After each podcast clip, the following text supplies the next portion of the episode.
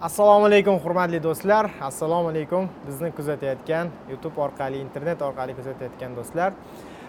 Biz bugun shu kunlarda o'zbekiston internetini umuman hamjamiyatini e, bir portlatgan mavzu o'sha xorazmdagi e, mehribonlik uyi qizlarini majburlashgani haqidagi mavzu haq e, mavzu bo'yicha video yozmoqchimiz. Lekin yarim soatdan oshdi. Yomg'ir qattiq jala tinmayapti. E, va e, ovozda ham balkim shunaqa bir shovqin bo'lishi mumkin. Bu yomg'ir ovozi tabiiy qabul qilasiz. Biz ancha kutdik tinsa yozamiz deb e, lekin tinmayapti ammo boshladik baribir. Balkim bu ham bir majoziy ma'nodadir to'g'ridir. Ya'ni shu darajada bir iflosliklar qilinganiga tabiat ham chidolmay uvoz solib yig'layotgandir balkim. Mayli hammasi ollohdan demak nima bo'lgan o'zi? Mana kecha e, birinchi aprel kuni ma'lum bo'ldiki e, xorazm viloyatida e, oilaviy o'sha mehribonlik uylari tashkil qilinyapti. Mehribon davlat mehribonlik uylari tugatilib ma'lum bir oilalarga farzandlar berilmoqda vasiylik uchun boqib olish uchun. Va mana shunday oilaviy mehribonlik uylaridan birida uch nafar qizni o'sha boqib olgan ayol Э, fohishalikka э, qarang momaqaldiroq ham gumburlayaptida chidolmayapmiz. Qizlarni yoshi 15 yosh 16 yosh 17 yosh. Voyaga yetmagan qizlar. Va birinchi safarda kim bilandir o'sha yotishga majburlaganda u qiz rozi bo'lmasa uni ukasini hammani oldida urib uni e, o'sha e, nima deydi irodasini sindirib o'sha qizni keyin majburlagan. Ya'ni ruhan tazyiq o'tkazgan zo'ravonlik qilgan o'sha ayol.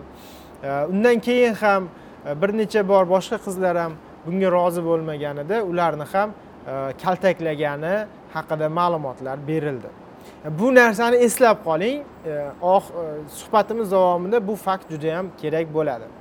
Endi mana shu zo'rlaganlardan o'sha yosh voyaga yetmagan qizlarni e, zo'rlab ularni nomusiga tegishni baholayman men. Nomusiga tekkanlardan ayrimlari ming afsuski e, davlat amaldorlari bo'lishgan. O'sha e, bittasi xorazm viloyat adliya boshqarmasi boshlig'i bo'lgan yana bittasi favqulodda vaziyatlar vazirligini yangiariq tuman bo'lim boshlig'i bo'lgan. Mana aytiladiki ish tafsilotlarida o'sha adliyani viloyat boshqarma boshlig'i e, o'zini balansida bo'lgan printerni ishlatish uchun berib turgan o'qigan oyoq kiyim olib bergan va e, xullas o'sha e, ayoldan uni qaramog'idagi voyaga yetmagan qizlarni birga jinsiy aloqa qilish uchun majburlagan holda demak talab qilgan. Avval avval 17 yosh qiz bilan yotib yurgan davlat bir tomonidan berilgan xizmat uyida shu ishlarni amalga oshirgan. Va keyinchalik 15 yosh qiz bilan e, 10 oy salkam bir yil davomida mana shu qabih ishini qilib yurgan. E, Favqulodda vaziyatlar vazirligini tuman bo'limi yangiariq tuman bo'limi boshlig'i ham deyarli xuddi shunaqa e, unda ham tarix ya'ni dastlab 17 yosh keyinchalik 15 yosh qiz bilan yotib yurgani aytiladi. Va qanday jazo berilgan? Ularga sud hukmi o'qilgan ikki ming yigirma ikkinchi yil sentyabr oyida va biz mana oradan shuncha oy o'tib endi ma'lum bo'lyapti. Buni hamma yashirgan. Oliy sud ham bu haqda ma'lumot bermagan. Adliya bilan favqulodda vaziyatlar vazirligiku endi ular manfaatdor bo'lishgan. Buni bekitishdan buni hammadan yashirishdan chunki sharmanda bo'lishi mumkinligini bilishgan sharmanda bo'lishdi ham bolalar ombudsmani buni boshiga ko'tarib ayiqondan solish kerak edi. Ular ham hech narsa demagan. Senat qonunchilik palatasi umuman bosh prokuratura bunga mas'ul bo'lganlar e, bong urishi kerak edi. Endi aytilyaptiki o'sha tegishli tashkilotlar tegishli joylarga bu haqda xabar berishgan va hokazo va hokazo degan gaplar ham bor. Lekin baribir e, jamoatchilikdan bu sir saqlangan. Va e, o'sha sud hukmiga ko'ra haligi ayol mehribonlik uyini rahbariga besh yil olti oy ozodlikdan mahrum etish jazosi tayinlangan. Ya'ni xalq tilida qamoq deyiladi endi aslida ozodlikdan mahrum etish rasmiy nomi. Xullas besh besh yil olti oyga qamalgan. Anavi ikkita rahbarga nima bo'lgan? Amaldorga deyilsa mana hammani junbushga solgan joyi ham mana shu yerda bo'lyapti. E, ularga o'sha ikkita rahbarga bir yilu hozir bir yarim yil bir yilu olti oy ozodlikni cheklash jazosi qo'llangan. Ozodlikni cheklash bu xalq tilida uy qamog'i deyiladi. U ham ertalabdan kechgacha uyda o'tirish emas. Kechqurun o'ndan ertalab oltigacha ko'chaga chiqmaslik jazosi berilgan bir yarim yil. Qolgan payti bemalol ochiqlikda yuraveradi. Bu hayvon sifat insonlar ya'ni hayvonlar deyman bularni. Bemalol ko'chada yuraveradi shuncha ishni qilib ongli ravishda qilib ularni o'sha to'shakka majburlab shunaqangi bir holatga solgan e, o'z mansabini suiiste'mol qilgan insonlar e, bemalol ko'chada yuraverar ekan. Faqat bir yarim yil kechqurun o'ndan ertalab oltigacha ko'chaga chiqmasa bo'ldi ekan. Mana shunaqa jazo tayinlangan ularga. E, bu esa juda ko'pchilikni E, junbushga keltirdi. Juda ko'pchilik e, bundan ajablandi. Ya'ni e, agarda shuni o'rnida birorta oddiy xalq bo'lgandami necha yilga qamalib ketgan bo'lar edi. Amaldorligi uchun shunaqangi yengilgina jazo berildi degan bir fikrni aytishmoqda va hattoki yana aytilyaptiki bu bu aslida ikki kishi emas. Ular ko'pchilik bo'lishgan. Ya'ni Э, ularni o'sha yosh e, norasida go'dak qizlarni o'n besh yosh bu bu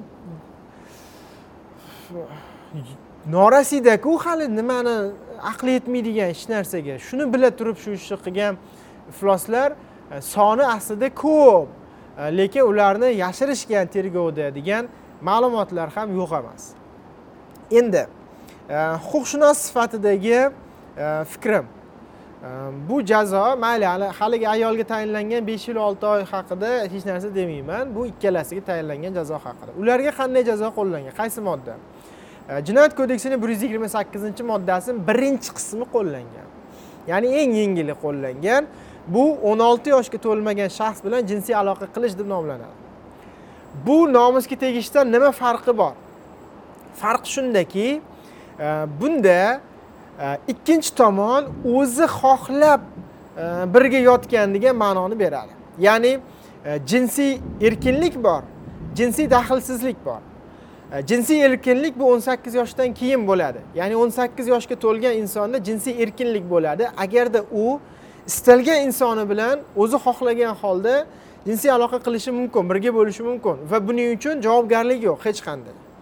Jinsiy daxlsizlik bu voyaga yetmaganlarga nisbatan qo'llaniladi. O'n olti yoshga o'n olti yoshdan e, pastiga uzr o'n sakkiz emas. E, o'n olti yoshdan pastiga qo'llaniladi ya'ni jinsiy daxlsizlik degan narsa bor. Bunda hattoki o'zi xohlagan bo'lsa ham jazo bor lekin u yengil jazo ya'ni nomusga tegish emas. E, mana shu moddani qo'llashgan ya'ni aytishganki go'yoki o'sha o'n besh yashar qiz o'zi xohlab shu adliya adliyani viloyat boshqarma boshlig'ini to'shagiga o'zi xohlab kelgan. Favqulodda vaziyatlar tuman bo'limi boshlig'ini to'shagiga o'zi xohlab kelgan o'sha o'n besh yashar qiz. Shuning uchun bunga biza yengil jazo beryapmiz. Bir yuz yigirma sakkizinchi moddani qo'llayapmiz degan bir kvalifikatsiya qilingan tergovda va sudda. Endi bir yuz yigirma sakkiz prim birinchi modda ham qo'llangan. Bu nima degani?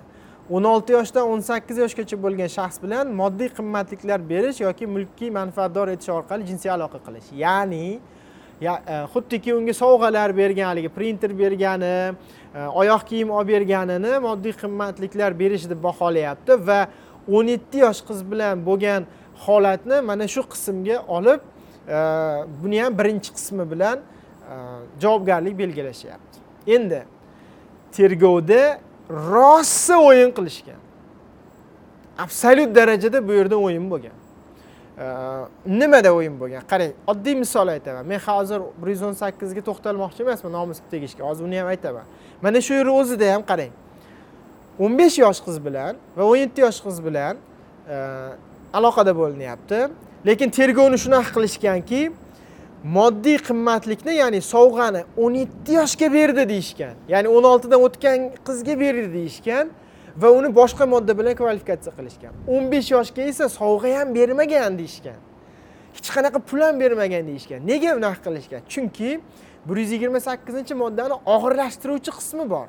Og'irlashtiruvchi qismida aytiladiki o'n olti yoshga to'lmagan shaxs bilan jinsiy aloqa qilganda agarda unga pul berib jinsiy aloqa qilgan bo'lsa bu og'irlashtiruvchi modda hisoblanadi. Va uni javobgarligi ham og'irroq. Ya'ni shu darajada tergovda o'yin qilishganki haligi o'n besh yosh qizga pul bermagan deb rasmiylashtirish. Yo'q yo'q hech qanaqa pul bermagan. Ya'ni xuddiki o'n besh yosh qiz o'zidan o'zi tavakkaliga shundoq haligi adliyani e, viloyat boshqarmani boshlig'ini to'shagiga o'zidan o'zi kirib kelib qolgan.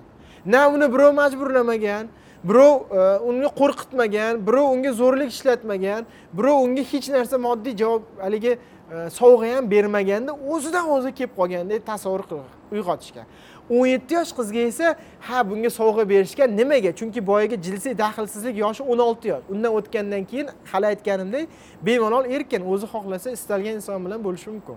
O'n yetti yoshga mana bunaqangi yo'lni qilishgan. Qarang qay darajada buni oddiy insonni aqli yetmaydi bunga. Buni mana shu tergovni ichida yurgan professional tullaklar mana shunaqangi tergov qilishgan.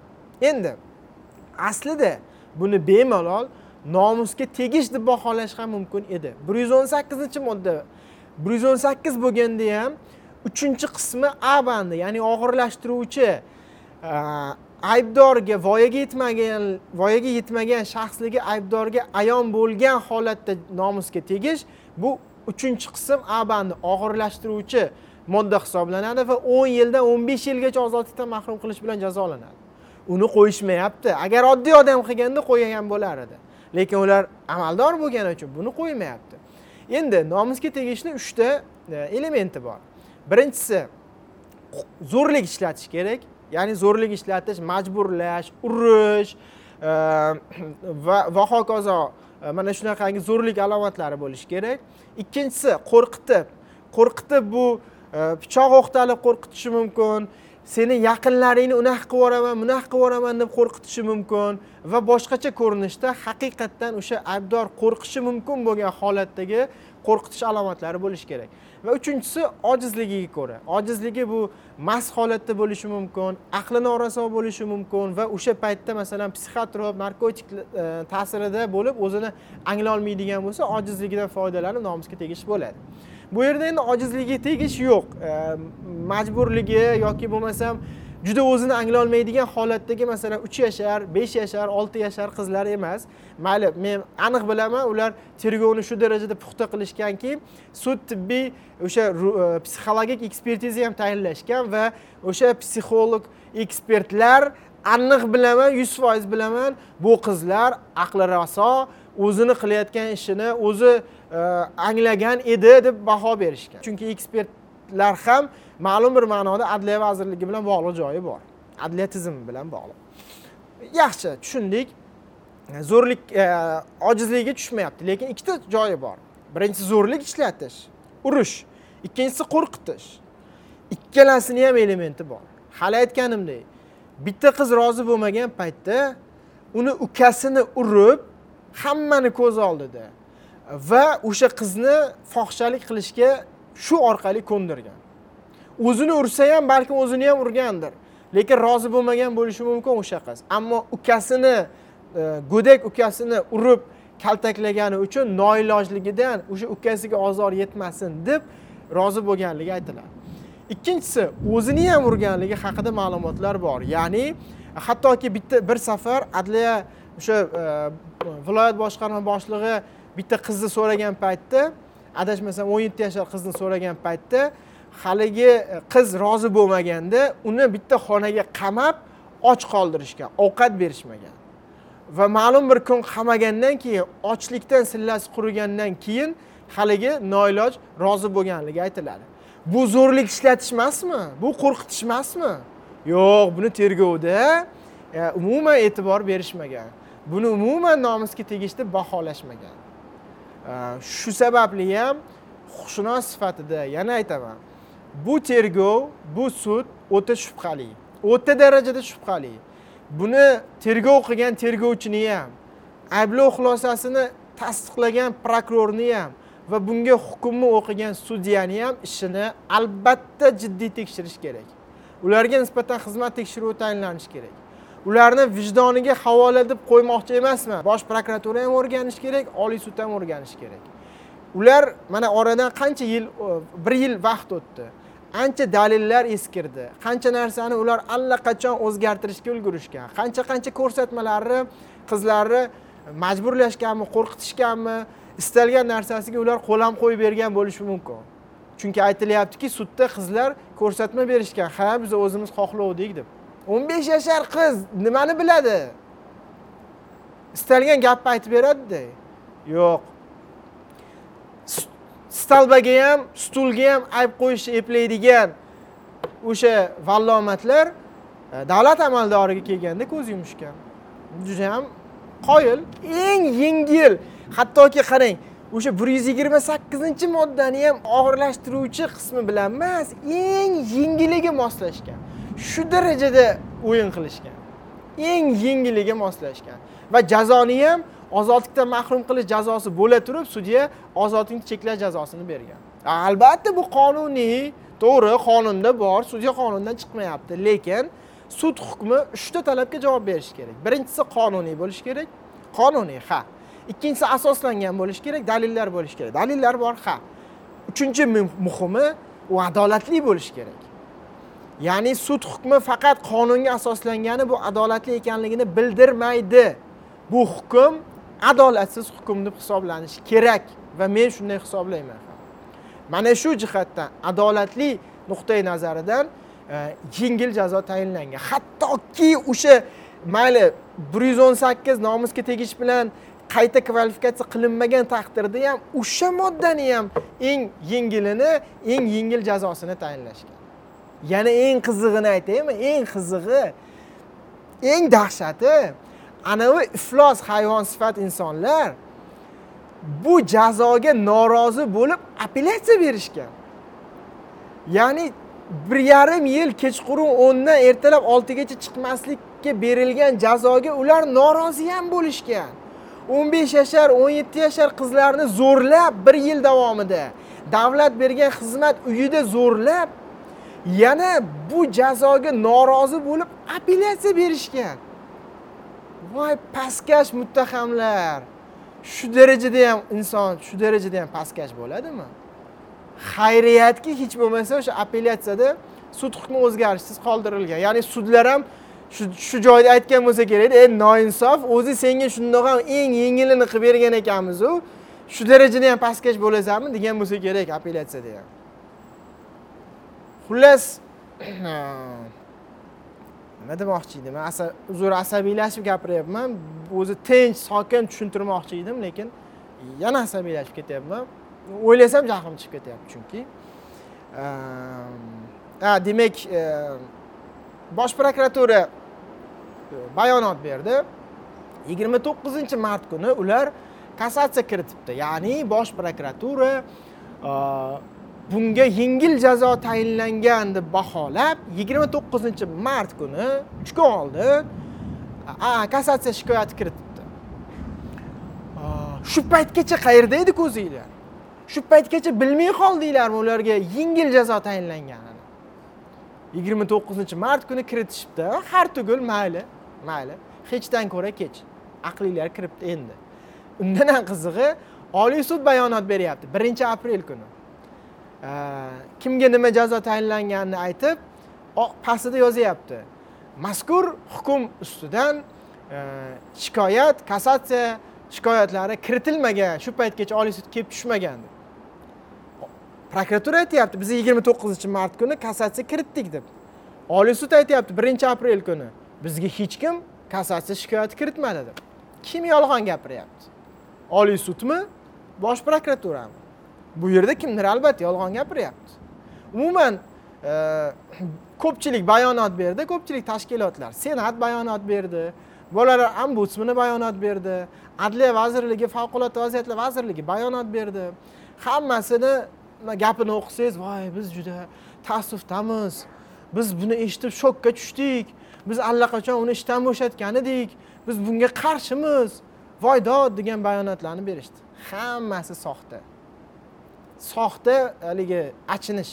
Sababi ular allaqachon bu ma'lumotdan xabardor edi. Kechagi kungacha ham xabari bor edi. Masalan irina matveyenko o'sha ma'lumotni aytgan e, aktivist faollarimizdan biri aytyaptiki fevral oyida oliy majlis senatida bo'lgan yig'ilishda majlisda men bu voqealar haqida hammaga gapirib berganman deyapti. U yerda senatorlar bor edi u yerda adliya vazirligi bor edi u yerda oliy sud vakillari bor edi u yerda boshqa tashkilotlardan vakillar bor edi. Hammasi bu gapimni eshitgan hammasi bundan xabardor edi deyapmiz. Shuncha payt jim yurib endi haligi jamiyat qahr g'azabga to'lgandan keyin biz juda taassufdamiz juda yomon ish bo'libdi degan bir soxta mulozamat bayonotlarini berishyapti bu hammasi tizimli tarzda bo'layotgan ish. Ochig'i bu voqea faqat xorazmda ham emas. Bu kabi voqealar boshqa joylarda ham bo'layotganiga men ishonaman. Faqat ochilmayapti xolos. Hattoki men birinchi safar buni o'qiganimda qaysi viloyatligi aytilmasdan bu xabarni o'qiganimda xayolimga birinchi bo'lib umuman boshqa viloyat keldi. Mayli ochiq ayta qolay toshkent viloyati keldi. Birinchi o'rin nimagadir? Chunki toshkent viloyatida ham xuddi shunday holatlar bo'layotgani haqida eshitgan edim. Albatta hozir faktim yo'q dalilim yo'q kimgadir tuhmat qilmoqchi emasman lekin xuddi shunday mehribonlik uyini tarbiyalanuvchilarini fohisha sifatida foydalanayotgan davlat amaldorlari haqida bir necha yillardan buyon eshitardim birinchi hayolimga nimagadir toshkent viloyati keldi. Aytmoqchimanki bu holat boshqa hududlarda ham bor. Faqat xorazm emas faqat toshkent viloyati emas faqat toshkent shahri emas yoki masalan farg'onada bo'lgan o'sha eng katta e, rezonans voqealardan biri ham mehribonlik uyi tarbiyalanuvchilarini fohishalikka majburlash bilan bog'liq edi eshitganman menimcha xabaringiz bo'lsa kerak. Buni hammasini tekshirishimiz kerak bo'ladi. Jiddiy bu bunga shunchaki bir martalik keys sifatida qarab bir marta haligilarni jazolab e, shu bilan qutulib ketish kerak emas. Buni albatta kompleks e, eng muhim masalalardan biri sifatida olib chiqishimiz kerak. Buni shunday qoldirmaslik kerak. Ho'p yana nima deyish mumkin? Yana ko'pchilik aytyaptiki oilaviy mehribonlik uyi tashkil etilib noto'g'ri bo'ldi davlatga qaytarilishi kerak deyilyapti. Buni ham baribir bahsli masala. Agarda nazorat bo'lmasa u davlatdami oiladami farqi yo'q. Masalan o'sha farg'onadagi juda katta rezonansli ish marg'ilondagi mehribonlik uyi davlat mehribonlik uyi edi. O'sha qizlarni kaltaklab zo'rlab o'sha tarbiyalanuvchilari doim zo'rlab yurgani haqidagi ishni eslasangiz kerak. Bir necha yil oldingi ish davlat muassasasi edi. Bu yerda nazorat kerak. Jiddiy e, va kompleks ishlar kerak. Shundagina mana ijtimoiy sohani jiddiy biza yo'lga qo'yishimiz kerak. Ijtimoiy soha xizmatchilari paydo bo'lishi kerak. Har bir bola e, e'tibordan chetda qolmasligi kerak. Agar bu ishlar bo'lmasa u oilaviymi davlatnikimi umuman farqi yo'q mutlaqo farqi yo'q umuman olganda shular yana bir bora men oliy suddan bosh prokuraturadan ushbu ishni yana qayta jiddiy ko'rishlaringizni so'rayman o'zbekiston fuqarosi sifatida buni talab qilaman soliq to'lovchi sifatida buni qat'iy jiddiy nazoratga olinishini xohlayman va nafaqat o'sha aybdorlarga nisbatan haqiqiy jazosini berishni balkim buni tergov o'qigan buni ayblov xulosasini tasdiqlagan prokurorga buni hukmini o'qigan sudyalarga ham e, xizmat tekshiruvi tayinlab tegishli ravishda baho berishingizni so'rab qolaman. Sababi yana aytaman buni e, bu ish bo'yicha berilgan o'qilgan hukm va berilgan jazolar adolatsiz jazo deb hisoblanadi. Aytadigan gapim shu. Rahmat salomat bo'ling. Ilohim ilohim hech kimni boshiga bunday ish tushmasin. Hech kimni boshiga hech kimni farzandini boshiga bunday ish tushmasin. Bir gapni o'zi aytmoqchi emas edim ko'pchilik noto'g'ri talqin qilmasin deb e, mana hozir aytaman. Agarda xuddi shu voqea ya'ni mana shu o'n besh o'n yetti yashar qizlarni zo'rlash voqeasi haligi tergovchini prokurorni sudyani o'zini qizi bilan bo'lganda edi ular umuman boshqacha hukm chiqarishgan bo'lar edi. Yo'q men bu bilan yana aytaman nima uchun aytmoqchi emas edim deyapman ko'pchilik noto'g'ri talqin qilmasin deb. Ya'ni bu qarg'ish emas. Iloyim seni qizingni ham boshiga tushsin qarg'ish emas. Ahmoq otalar uchun qizlar javob bermaydi hech qachon. Ilohim hech kimni boshiga tushmasin. Men shunchaki misol tariqasida aytyapman agar o'zida yoki yaqinida bo'lganda edi ular umuman boshqacha qaragan bo'lardi. Ular umuman boshqacha tergov qilgan bo'lardi. Ular umuman boshqacha hukm chiqargan bo'lardi. Lekin ota onasi yo'q yetim bo'lgani uchun qarovsiz bolalar bo'lgani uchun ular panja ortidan qarashgan. Hattoki ular o'sha qizlarni o'zi buzuq edi degan gapga ham ishonishsa kerak. Bularni o'zini xulqi buzuq edi bular o'zi azaldan buzuq bo'lishgan bular o'zi azaldan fohisha bo'lishgan deb hamma aybni qizlarga to'nkayotgan bo'lishi ham mumkin. E sizlar bilmaysizlarda ularni deb e, yon atrofidagi do'stlar do'stlariga gapirib ham berayotgan bo'lishi mumkin. Chunki ular yetim qarovsiz ularga istagancha tuhmat qilish mumkin istagancha ularni sha'nini bulg'ash mumkin. Lekin agar o'zini yaqini bilan o'zini qizi bilan bo'lganda ular umuman boshqacha qaragan bo'lardi uzr yana cho'zilib ketdi. Salomat bo'ling. Yaxshiliklar bilan ham video qilish nasib qilsin bunaqa ishlar bilan emas. Ko'rishguncha